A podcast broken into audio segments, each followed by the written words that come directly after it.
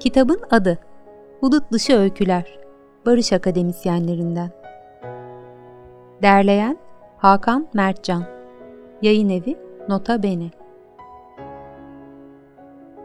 Tasarımını Erkan Tülek'in yaptığı kitabın kapağında gri zemin üzerine kara kalemle çizilmiş, yarısı ağaca benzeyen ama aynı zamanda yüzünü rüzgara karşı dönmüş bir insanı andıran figür ile kitapta öyküsü bulunan yazarların isimleri yer alıyor.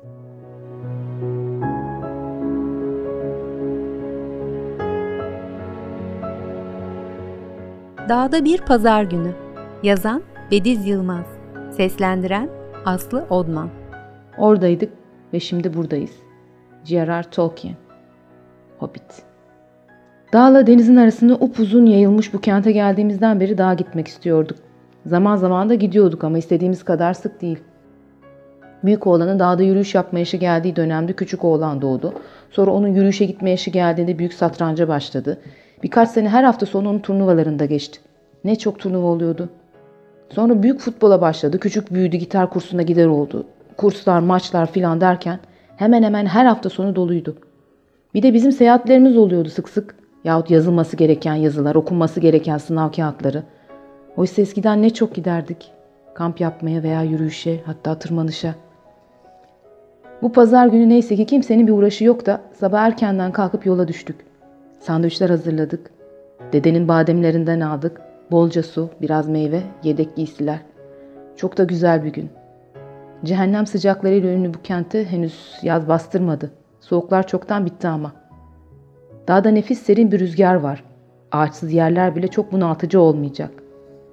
Dağ çiçekleri henüz açılmış. Babaanneme çiçek de toplayalım dedi büyük oğlum. Tamam dedim. Yaz sonu olsa böğürtlen de toplardık ama bu mevsimde bolca çiçek götürürüz. Kentin cennet zamanlarındayız hala. Haftaya da denize mi gitsek diye düşündüm. Anında aklıma bir sonraki hafta İstanbul'da toplantım olduğu geldi. Deniz için bir süre daha bekleyeceğiz herhalde diye içecektim. Baba haritadan gideceğimiz yeri inceliyor bir yandan da temel dağcılık bilgileri veriyordu olanlara. Ben en önde yürüyeceğim, annenizin en arkada. Yürüyüşte bir kişi önce olur, bir kişi de artçı. Siz arkamızda kalacaksınız, patikadan ayrılmak yok. Geçerken dalları tutun ki arkanızdaki kişinin yüzüne çarpmasın. İnişlerde de ayaklarınızın arkasını yere sağlam basmayı unutmayın. Yoksa siz de kayarsınız, taşları da kaydırırsınız. Tamam baba dedi çocuklar aynı anda gülerek. Her defasında söylüyorsun. Hepimiz güldük. Çocukların kasketlerini taktıktan sonra eğilip küçüğün bağcıklarını sıkı sıkı bağladım. Bunlar ayağımı sıkmaya başladı dedi. Alalı çok olmamıştı halbuki ama çocukların ayağının büyüme hızı inanılmaz. Önümüzdeki ay Paris'e gideceğim. Orada yeni bir çift dağ ayakkabısı bakarım sana. Çok sevdiğim bir mağaza vardı Paris'te hem de şehrin en sevdiğim yerinde. Biraz pahalıydı ama sağlamdı. Hem belki indirime girmiş bir şeyler bulabilirim diye düşündüm. Herkes çantasını güzelce beline bağlasın yoksa beliniz çok ağrır dedi eşim. En ağır çanta ondaydı oysa. Ağır dağ çantası taşımayı oldum olası severdi. Bir defasında kampa gittiğimizde çantasından cam tabaklarla bardaklar çıkarmıştı da hepimiz ne çok dalga geçmiştik. Tam yola koyuluyorduk ki yamacın biraz aşağısında harıl harıl bir şeyler toplayan bir grup kadın çarptı gözümüze. Ne yapıyor anne o kadınlar diye sordu küçük. Kekik topluyorlar yavrum. Taze kekik toplayıp pazarda satacaklar herhalde. İşten atılalı iki yıl, ülkeye girip çıkamayalı bir buçuk sene olmuştu. Şimdi dağda denizde ne güzeldir bizim oralarda. İkisinin de tadını tam çıkaramadık diye hiç geçirdim. Deniz kenarındaki küçük bira kaçamaklarımızı hatırladım, gülümsedim. Bunları düşüne düşüne kıvrımlı dağ yolunda yükseldik. Avrupa'nın kuzeyindeki bir kente yerleşmiştim iki yıldır ama şimdi kıtanın güneyindeki bir ülkenin en güneyine kaçmıştım tatile. Bizim coğrafyaya en benzeyen yere gelmeyi istemiştim. Dağdaki çalıları, çiçekleri, denizdeki rüzgarı, kayaları bizim oralara benzer görünce sanki evimde hissetmek. Hoşuma gidiyordu. Tam bir tatil değildi aslında bu yaptığım. Dağların ortasına yerleşmiş bir komünde kalıyordum ve yakında ülkeye döndüğümde yapmayı düşündüğüm işi öğrenmeye çalışıyordum. Henüz tarımcılık yasaklanmadı diyordum ülkeye dönmemden endişe duyan Avrupalılara da. Günlerdir sebze bahçesindeki işleri yapmıştık. Bugün de dağdaki yabani lavantaları toplayan gruba katılmıştım. Nefes kesici bir manzaranın önünde durduk. Zirveye yakın bir yerdi. Tanıdığım tanımadığım yüzlerce çiçeğin olduğu bir yamacın üstündeki patikadaydık. Bizi getiren kadın hepimize birer çarşaf dağıttı. Şimdi kısa tarafından belinize bağlayıp diğer uçlarında çaprazlamasını omuzunuzdan geçirin ve belinizdeki uçlarla bağlayın dedi. İki saniyede sırt çantalarımız olmuştu. Lavantaları keseceğimiz aletleri de aldıktan sonra hepimiz yamaca dağıldık. İyice aşağılara inin. Ormanın ortasındaki açıklıklarda çok oluyor dedi. Yamaçtan aşağı inmeye başladım. Bir anda ışık geçirmez bir ormanın ortasında buldum kendimi.